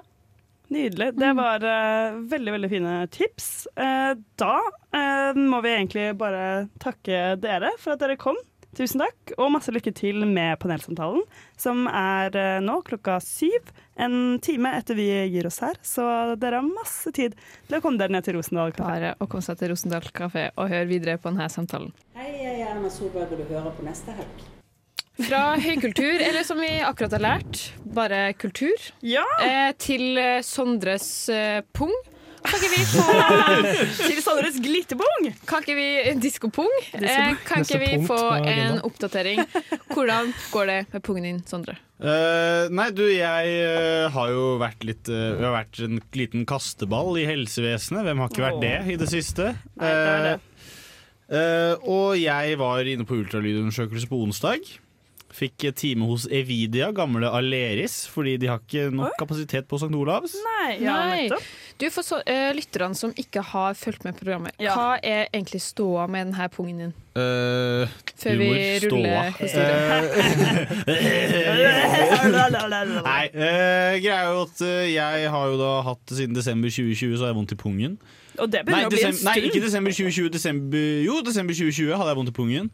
Eh, og det er jo en stund. Januar 2022 går jeg til legen. Han sier uh, oi, det er jo lenge å ha vondt i pungen. Mm. Uh, og så har jeg blitt bare litt sendt litt rundt. Legen min fant ikke noe. Var på ultralyd på Bærum sykehus, de fant ikke noe. Så ble jeg sendt til urolog, han fant ikke noe. Og så var jeg inne på en liten ultralydundersøkelse på onsdag. Jeg trodde at jeg skulle på røntgen. Det skulle du ikke. Det skulle jeg ikke. Men det finner jeg ut når jeg kommer dit. Spennende, og plutselig får du masse gelé på pungen og tror det er glidemiddel og at Ja, du skal fordi- få deg noe. Uh, ja, fordi Happy eh, ending, dette, her, no? dette, her er Happy også, dette her er også min greie at uh, på alle tidligere anledninger så har jeg blitt behandlet av en mann. Det syns jeg er veldig beroligende, fordi de har også penis og testis. Men nå var det en kvinne som smurte gelé på pungen din. Uh, Ble du tent? Eh, nei. Ble du- ble du hard? Nei. Ikke? Nei. Nei. Uh, Det er lov, jeg hadde ikke dømt deg. eh, nei, men hun var litt ute av min aldersrange.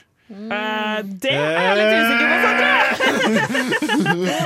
Da var det litt så på fall 80 år. Da var det litt eh, blikk her. uh, nei, altså så, eh, men så eh, kommer det en dame som Ja, jeg heter sånn og sånn, og nå, men jeg bare sier til Anne Katt at eh, du er klar, så kan hun komme ned. Jeg Og så tenker jeg sånn Anne Katt, det er jo ikke Det er jo ikke en mann. Det var ikke, men det var ikke Anne Katt, liksom. Det var ikke Anne Katt Herland, nei. Nei, det Eh, fantastisk. Eller Anne-Kat. Leslie. Nei, Da hadde du blitt hard. Ja, det hadde jeg det fått er- Da hadde Det jeg er skummelt. Da hadde jeg blitt litt hard. Og sånn, hvis jeg hadde kommet inn og vært sånn Halla! Så jeg blitt litt sånn! Eh, Nei, og så eh, kom jeg inn der, og så sier hun sånn Ja, da, du kan egentlig bare holde på penis. Sånn at jeg får liksom gjort det jeg skal gjøre. Så jeg måtte da ta penis og holde den, liksom, ta den opp mot magen. Eller opp på magen. Og så eh, Treffer den deg ikke på haken? Måtte slenge den over skulderen. Jeg måtte, jeg måtte, jeg måtte rulle den sammen som en brannslange. Ja, ja. uh, nei, og så, og så finner hun ingenting. Uh, og så sier hun sånn Nei, det ser helt normalt ut, dette her. Uh, problemet mitt var jo at jeg hadde ikke gått på do på to dager. Jeg hadde ikke bæsja på to dager. Eh, og så sier hun sånn Du kan blåse opp magen din litt. Og når du skal blåse opp magen din, da legge trykk ned i den magen der. Det, da, jeg var så redd for å bæsje på meg. Oh. Eh, så det var også et problem jeg hadde, var at jeg trodde jeg var forstoppet samtidig. Så det jeg gjorde da jeg kom hjem, var jo sånn eh, Jeg dro på løpetur.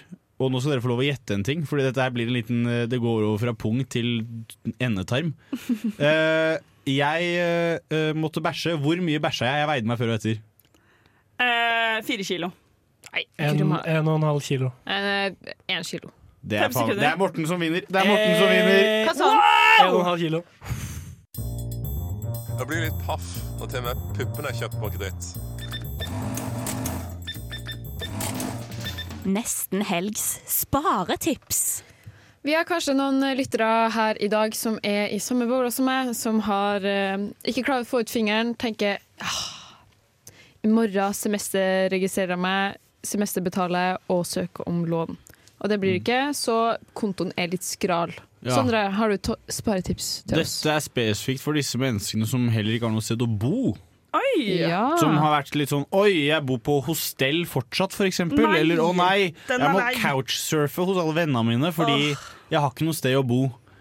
Eh, hvis du går på finn.no, Ja. eh, så kan du finne deg en god del telt som folk gir bort gratis. Oi! Hæ? Uh, Det er bare irriterer meg. Jeg må bare si sånn der, Fra Roskilde jeg var på i, her, eh, i sommer, så fikk vi jo, betalte vi for sånn ferdigoppslåtte telt. Og jeg bærte med meg et gigantisk telt fra eh, Fordi du får jo teltet etterpå, da. Telt fra Roskilde etter en uke med fyll. Bærte jeg med meg et telt. Og så kan jeg få et telt gratis! du kan få et telt gratis. Masse telt gratis på Dårlig Finn. planlagt, Nora. Dårlig planlagt. Eh, og eh, da er det sånn at da har man ikke noe sted å bo, så, kjø så henter man bare dette teltet hos disse menneskene som gir det bort. Og da kan du sette opp teltet ditt nesten hvor du vil, for det er gratis, eller det er helt eh, lovlig å bare sette, slå opp teltet sitt i skogkanten. Kunne Eller jeg satt opp på frimerket på uh, Gløs, for eksempel? Ja, hvis det er ei, ledig gresslette, så slå det opp der òg. Og da har du Du kan sette opp på Dragvoll, så kan du sette opp bak idrettsbygningen. Der er det ingen som ser der er det. Der er det skau. Og så har du dusjen rett ved. Vet du hva? Sondre, dette her er faktisk et ganske bra sparetips for de fleste, men for Nora så er jo dette litt vanskelig. Fordi du prøvde deg jo på glamping forrige uke. Ja, du, for jeg, sk- jeg tenkte akkurat at jeg skulle kjøre inn med akkurat den uh, historien her. Vi var Jeg tror du fortalte den forrige Du fortalte den uke, forrige men uke, eh, ja. Men Ja. du, du, kan jo, du kan jo ikke sove Eh, ute. Nei, jeg kan jo rett og slett ikke sove uke ute. Eh, historien var at vi var noen venninner som skulle campe. Jeg tok med meg alt man kunne trenge på en overnattingstur. Trodde hun. Jeg, jeg hadde Ja. med meg til og med en pute. Men Mm. jeg, våk jeg, liksom, jeg våkner ikke, for jeg fikk ikke sove. To på natta, jogge ned til bilen. Altså sånn derre jeg, jeg, jeg, jeg, tenkte å foreslå det her skal vi prøve oss på å anmelde på radioen. Men jeg tror det er dere som må gjøre det. Ja, det Og så kan jeg prate om det. Men vet? Men denne, dette hete sparetipset eh, fikk meg faktisk på en veldig bra idé til noe dere kan gjøre i helgen. Eller bare sånn eh, Hvis dere vil spare litt penger. dette syns jeg høres veldig koselig ut i hodet mitt. Dere får vurdere om det er en god idé eller ikke. Man går sammen, en gruppe venner. Og så bestemmer man seg for kanskje man skal flytte. eller noe sånt. Vi bare flytter ut en måned tidligere. Nå skal vi bo en måned i telt sammen. Og så slår man opp telt der, ved Dragvoll f.eks. Og så bare har man et sånn sykt hyggelig telt hvor man liksom Det er sånn high standard, det er glampingtelt. Det er liksom teppe, det er pute, det er liksom lys man har inni. Og så bor man sammen i telt. Alle sparer 5000 hver. Det er ganske mye penger på altså. Det er Altså, morsomt at du sier, fordi når vi var på denne teltturen, før det ble ukoselig med kulda, og vi bare hadde så koselig rundt her, eh, bålet, så snakker vi akkurat det. Eksamensperioden, eh, altså sånn til sommeren, da. Sette opp en lavvo. Aggregat, eller liksom, gjøre litt sånn glamping. Og så bare bor vi ut der. Sykt nice. Dieselaggregat inni teltet. uh, hotboxe. Ja. Uh, og, no, og noe stearinlys inn der også, kanskje. uh, men dette her blir jo kanskje et problem i Trondheim, Fordi her har jeg hørt at det er en kultur for å ha russetelt. Det Ja, jeg har hørt om det her dagen og, og da er jo det et problem når man sitter der inne i teltet sitt, og så kommer det en gjeng med russ inn og er sånn Hvor er sandboxen? Ja.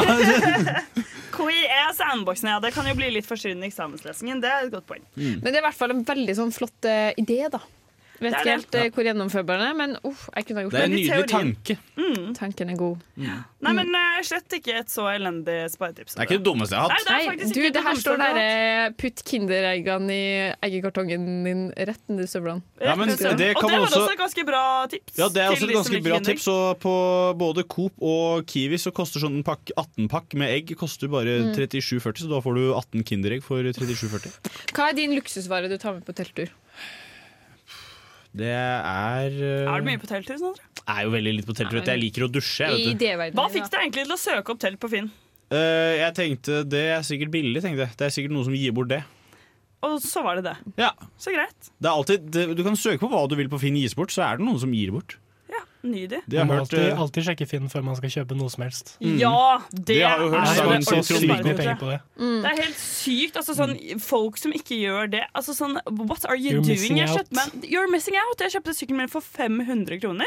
Ingen vil stjele den fordi den er litt sånn rufsete. Den er drit, liksom. Den ser drit ut, men det er jo en full top functioning Ja, det der, er- det der er jo Amsterdam-tipset. Fordi I Nederland så sier de alltid at hvis du skal ha en sykkel, så må du kjøpe deg det de kaller en Lalica Feets, altså en dritstygg styk- Det er det du må. For da er det ingen som tar den. En, Moralen en, er- en styggel. En styggel. Moralen er sjekk finn.no, sjekk kulturnatt.no. lurer på hvor du er nå, hva driver du på, hva gjør du på? Du er kjendis, men du er glemt for lenge siden. Men vi husker fremdeles deg. Vil du komme og prate med meg på nesten helg? Hvor er de nå, spalte? Hvor er de nå? Det er spelten, spalten der nesten helg. Vi trekker fram en kjendis eller en karakter, gammel, kjent og skjær, men som vi bare har helt glemt. Og bare Når vi får høre navnet, så er vi sånn what the fuck? Hva har skjedd med denne personen? Og Marie, du har funnet fram en person i dag. Jeg har funnet frem en person. Først så var jeg sånn Oi, jeg vil snakke om Carly Rae Jepsen. Fordi hvor ble Ei! Carly Rae Jepsen av? Men Ja, så var hvor er hun sånn, ja, hvor, hvor er hun nå? Det får vi ikke svar på i dag. Nei, fordi Men kanskje en annen dag. Jeg fikk rett og slett lyst til å snakke om noen andre som jeg på en måte vraltet over. Og så var jeg sånn Oi, dette her er én spennende historie. Dronning Eh, Elisabeth. Ja, hvor er hun nå? Ja, hvor er- egentlig? hvor er hun? er, Det er dronning Elisabeth, Ja, jeg har ikke hørt om henne på en stund. Det er i hvert fall ikke noen fotballkamper som spilles i Premier League. Hm. Fy faen. Hvorfor Kanskje- måtte hun dø akkurat nå? Liksom? Ja, det er jævlig irriterende. Dø i sommer, sommerferien. Ja, det er Bare så to måneder dårlig. uten Premier League, og så velger du å Eller dø, dø under VM, så kan vi, da blir det fokus tatt litt vekk fra det jævla Qatar-greiene. Ja, hvorfor kunne hun ikke gjøre det? Jeg følte det var noen sånn Premier League-hater som tok livet av henne bare for at det skulle skje. Men det er heller ikke henne jeg skal snakke om. Det er en fyr som heter Edwards Ritchie. Nei, jeg mener omvendt. Ritchie Edwards. Det er ikke sikkert han er så oh, ja, han, ja! Kjenn... Nei. Ah. What? Who is this? Nei, han er Edward ikke Richie Edwards. han er ikke kanskje den mest kjente, men han har en veldig spennende historie. Eh, han var eh, ganske kjent i Storbritannia. Han er fra Wales eh, og eh, var eh, låtskriver og, i et band som het Manic Street Preachers. Han var vel strengt tatt også musiker, men han hadde liksom ikke så mye talent da hva gjaldt eh, musikken, har det blitt sagt. i hvert fall. Han var en gitarist, men liksom ikke den beste. Men Når det gjaldt eh, sangtekster, så var han veldig god. Men noe av det han kanskje ble veldig kjent for, var at han snakket veldig åpent om eh, eh, mental helse. Kanskje på en litt sånn vulgær, upassende måte. Em, han, var, han hadde uh, depresjon, ja, alvorlig depresjon, og, og selvskadet seg uh, mest ved å liksom stumpe sigaretter på armene sine og kutte seg selv. Og sa åpenlyst, eh, og jeg siterer When I cut myself, I feel so much better. All the little things that might have been annoying me suddenly seem so trivial because I'm concentrating on the pain. I'm not a person who can scream and shout, so this is my only outlet. It's all done very logically. Kan jeg bare få si en ting? Mhm. Plutselig var det litt dystert. At hvis man drar på løpetur og får melkesyre, så gjør det jævlig vondt. Det funker kanskje bedre. Du skulle sagt et eller annet. Men eh, det er for sent. Jeg kommer tilbake til det snart. Um, ja, det, det er ganske mye som er dystert med denne fyren. Han eh, ble også spurt om eh, 5. mai 1991, etter han hadde hatt en gig, eh, om hvor eh, seriøs han egentlig var eh, når det gjaldt kunsten hans. Og han responderte med å kutte for real i armen sin. Yes. Dette tok han bilde av det og publiserte. kanskje? Veldig, veldig voldsomt. Og han var jo, det er jo på en måte fint å være åpen om eh, mental helse, men eh, han eh, var kanskje åpen på en litt uh, feil måte? Spørsmålstegn? Jeg vet ikke. I don't judge. Jo. Nei, jeg vet ikke. Uansett, hvor er han nå? Han forsvant. Og det er litt spennende. Fordi plutselig en dag um, så Og de bandene hans skulle på turné. Eh, De hadde bestilt flybilletter. De eh, var liksom klare til avreise. Han hadde tatt ut penger til denne reisen. Alt lot til at han skulle dra. Men uh, han dukker aldri opp, og man begynner å lete etter han, finner han ikke, han gir ingen lyder fra seg. Og så begynner man jo på en måte å tenke at sånn, kanskje han har tatt livet sitt. Men selv om han hadde på en måte slutt med denne alvorlige depresjonen, så hadde Richie Edwards vært veldig klar på at eh, det å ta livet sitt var ikke noe han gjorde, for det var på en måte for svake. Og han var ikke svak, han kunne på en måte takle den smerten han eh, eh, hadde inni seg, og selvskading var en måte å gjøre det på. En måte han klarte å takle det på, på en måte. Eh, Men så finner de bilen hans like ved en bro i England som jeg ikke husker helt navnet på nå, men den er litt sånn tilsvarende Golden Gate Bridge. Finner du en forlatt bil ved Golden Gate Bridge, så vet du hva som har skjedd. Da har noen hoppet utenfor den broen. Eh, Men de kunne ikke finne han. Så siden det så har han rett og slett altså, bare vært borte. Nei, jeg blir, for jeg merker jeg blir helt sånn stum. Jeg føler vi er sånn episode med sånn krimpod. Ja, sånn plutselig ble vi True Crime-podden. er er det her slutten på historien? Ja, dessverre. Enn så lenge så er det slutten på historien. Shit. Man vet bare ikke hvor han er, og de som på en måte kjenner han godt, mener eh, liksom oppriktig at han sannsynligvis ikke har tatt livet sitt, for det er liksom ikke en han-ting å gjøre. Men bilen hans sto ved siden av en bro eh, hvor det var jævlig langt ned. Ja, Og- hvor, hvor på en måte mange i Storbritannia tar livet sitt. Ja, ikke sant? Så det på en måte var en tanke man var inne på, men man har jo uh, sjekket eh, liksom lett i, eh, det, liksom, ved den aktuelle broen i vannet. Mm. Og har ikke funnet han. Men ikke det er veldig vanskelig å finne en person eller sånn, Det kan jo ta Du, altså, ekstremt lang tid. er det ikke jævlig mye strøm i sånne svære elver? da? Det kan jo selvfølgelig hende at det var det, men da blir det ikke like spennende om vi bare skal konkludere med det nå. Ja, for i mitt, for i mitt um, rasjonelle hode så er jo bare sånn herre ah, Folk kan jo gjøre ting du ikke forventer. på en måte Man skal ikke Mm. tro at man kjenner noen. Det på en er måte. sant. Men Nei, det blir sånn litt mer spennende å spekulere litt. Er det, er det romvesen? Er det, Ja, har han dratt til Madagaskar for å leve et liv der? Det som kan, eh, det jeg også kan si, er jo at han har jo faktisk blitt uh, Altså, folk har hevdet at de har sett han steder. Ja. Han har for eksempel Noen har sagt at de har sett han på et marked i Goa i India. Noen har sett at de har sett det- han i Lazarote. Um, men man har ikke på en måte klart å Han Han har- vært på backpacking. Ja, for det, backpacking! jeg, vet, jeg vet hva som har skjedd her nå. Han har uh, kjøpt seg en uh, motorbåt. Ok. Og så har han dratt fra denne elven i England. Og så har han uh, kjørt motorbåten sin, først til Lanzarote, vært litt, tatt ei lita Tatt ei to ukers nede, i eh, Ja, nede på en kanariøy der. Og så har han bare kjørt båten sin enten eh, rundt hele Afrikas Horn Og bare eh, kost seg. eller gjennom Suezkanalen. Eh, Der er det sikkert overvåkningskamera, så det kan vi godt sjekke etterpå. Ja, det kan vi- gå vi kan gjennom det. Eh, og så har han tatt båten sin og så tatt seg en liten tur til India. Herregud. Så Dette er, det er jo det han har gjort. Nei, men Da ble jo søren meg mysteriet. um, med Richie Oi, nå rapte jeg inn, inn litt seltzer inn i mikrofonen. Det håper jeg dere satte pris på. Nå har Sondre oppklart eh, Richie Edwards-mysteriet for oss, og en gang for alle. Det var veldig fint. Hei sann, dette er Kristoffer Schau, og du hører på Nesten helg. Eller Neste helg, som Erna Solberg sier. Yes, du hører på Nesten helg, ikke som Erna Solberg sier. Men du, eh, vi har jo snakka veldig mye om helg, eller spesifikt, vi har snakka mye om kvelden, eh, kulturnatt. Men Sondre, hva skal du i helga? Eh, du, i eh, helgen så skal jeg skal spille fotballkamp i morgen. Så det Jeg blir nesten litt stressa når du sier det, fordi jeg føler du har sånn der, Folk som kjefter på deg, folk som kaller deg feig det, sånn Det det- virker ikke som en trivelig plass å være. Hvorfor gjør du det her? Nei, Nei, men, det, nei, men det, å, det å spille kamp er hyggelig. Ja. Uh, for det er jo bare lættis, og du har det koselig med lagkameraten din, og uh, vi er innstilt på at vi taper hver kamp, så vi har det bare gøy.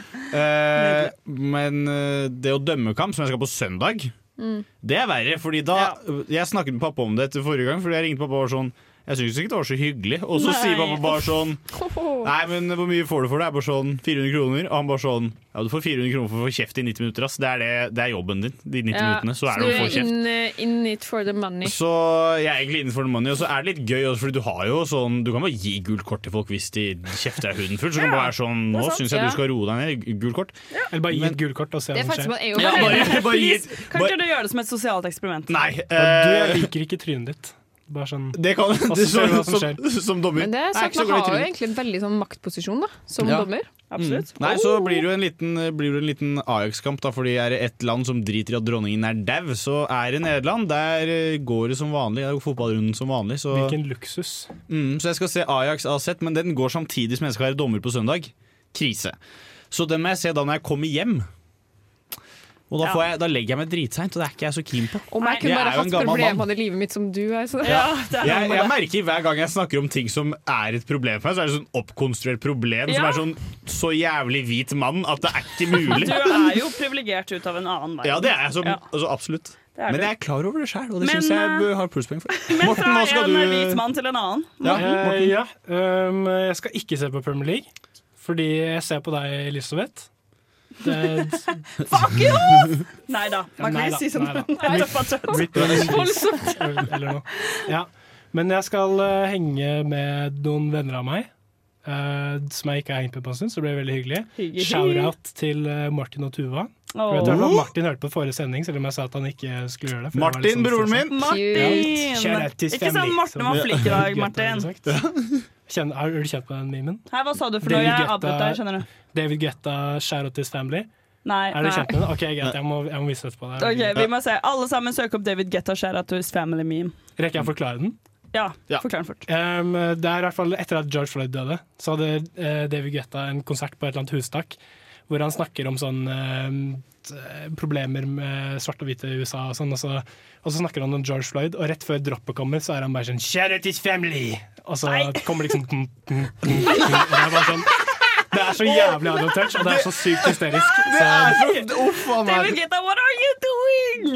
Uff a meg. Nei, det var litt forferdelig å høre på. Ja, eh, Og så var det meg. Hva skal det jeg til helgen? Du, dette her, jeg annonserte i sted, dette er den første helgen hvor jeg skal være totalt edru. Nå har jo vi taste-testa seltzer, og jeg har jo slurpa opp de, men eh, det var ikke så mye. Eh, så det går bra. Eh, nå skal jeg hjem, og så skal jeg finishe en øving. Uff. Uh, og så skal jeg spise litt fôr, og så skal jeg på en innflytningsfest. Fôr? Hva slags fôr er det du skal Eh, I dag tror jeg skal prøve meg på fiskefôr. Har du vært borti, har vært borte på Felleskjøpefabrikken på Ila og kjøpt deg noe mat? Det er det jeg har, så jeg skal fise til helgen. Brent seg litt kattemat. Ja. Men når Mm. Du, noen når du sier sånn her, du skal på en innflytelsesfest, men du skal være edru helga, hva tar du med deg på fest? Jeg lurer på om jeg skal kjøpe bare noe Munkholm eller noe sånt. Fordi det er jo egentlig ganske godt. Kan jeg komme med tips om Ja! Radler? Radler! Du, Å, den er så deilig i magen! Nom, nom, Så god. Nei, men Det var faktisk Det var det beste tipset du har kommet med typ, i hele ditt liv. Sondre. Det skal jeg 100 kjøpe. Sitronroller er så superior. Og også den grepfruktradleren. er Ja. var ganske god. Det var mitt tips. Hvis du kan strekke deg til en lettøl, Ja, det, men det kan jeg gjøre. Det går Ja. fint. Så det skal jeg også eh, I morgen så skal jeg feire at jeg har vært sammen med kjæresten min i to måneder. Og det syns jeg er så gøy å si høyt, Fordi to måneder er ikke så mye å feire. Men ja, applaus. Men jeg sa til Marie tidligere i dag altså sånn, Enhver anledning man kan feire, syns jeg man skal feire. Altså, jeg hadde en venninne som mer feirer bursdagen sin til spiralen sin. Bare fordi at, å, Hyggelig anledning å Helt bake en kake. enig. Og som jeg Hun sa i har, får jo da ikke noe bursdag for ungen sin, så det er jo et slags substitutt. på en måte absolutt. Og som jeg Word. sa til deg tidligere i dag, Nora, da du sa det, jeg er helt enig. Man kan feire mandag, tirsdag, onsdag, torsdag og fredag, lørdag, og søndag. Man Mm. må bare feire når Ja. man kan. Og det kan man når som helst. Feire en ny morgen, du har stått opp og du lever. Akkurat! Det fins Mm. alltid en grunn. Flekser på dronning Elisabeth Warrior, da gjør jeg. Ja, det kan man gjøre. Også, men hva med deg, Noris? Du, eh, det blir eh, kulturnatt i kveld. Jeg Ja. håper jeg kan rekke meg til poledancekurs, men det ser litt trangt ut. Og kanskje en sånn African beat Consort. Det tror jeg Men blir eh, utenom det så har eh, noen venner av meg lagt opp et stramt program, og det var egentlig veldig deilig, fordi da slipper jeg å forholde meg til Sånn som vi sa, det er så masse at man klarer ikke å helt å forholde seg til, så er det veldig deilig at man bare legger opp noe, og så kan jeg, trenger jeg ikke å tenke på alt jeg går glipp av. Ja, det er liksom når du kjøper pakketur hos Apollo. Ja. Rett og slett. På en måte. Eh, Som å ta seg en charterferie. Ja. charterferie. Men uh, vet du noen av de tingene som du kommer til å på en måte oppsøke i løpet av denne runddansen? Det blir i hvert fall eh, et DJ-sett på havet, som jeg syns er veldig sånn er kul plass på Ny Mm. Nyhavna. Og det er jo veldig deilig for meg, for det er rett attmed der jeg bor. Som er Svartlamoen. Ja, som er Svartlamoen, så jeg ble jo veldig glad når han sa det. Ja, det var litt ja, det, det er hjemmet mitt, faktisk, som bare strømmet. Men nå er det vel en ting vi må si ganske kvikt. Oh, og det er God helg!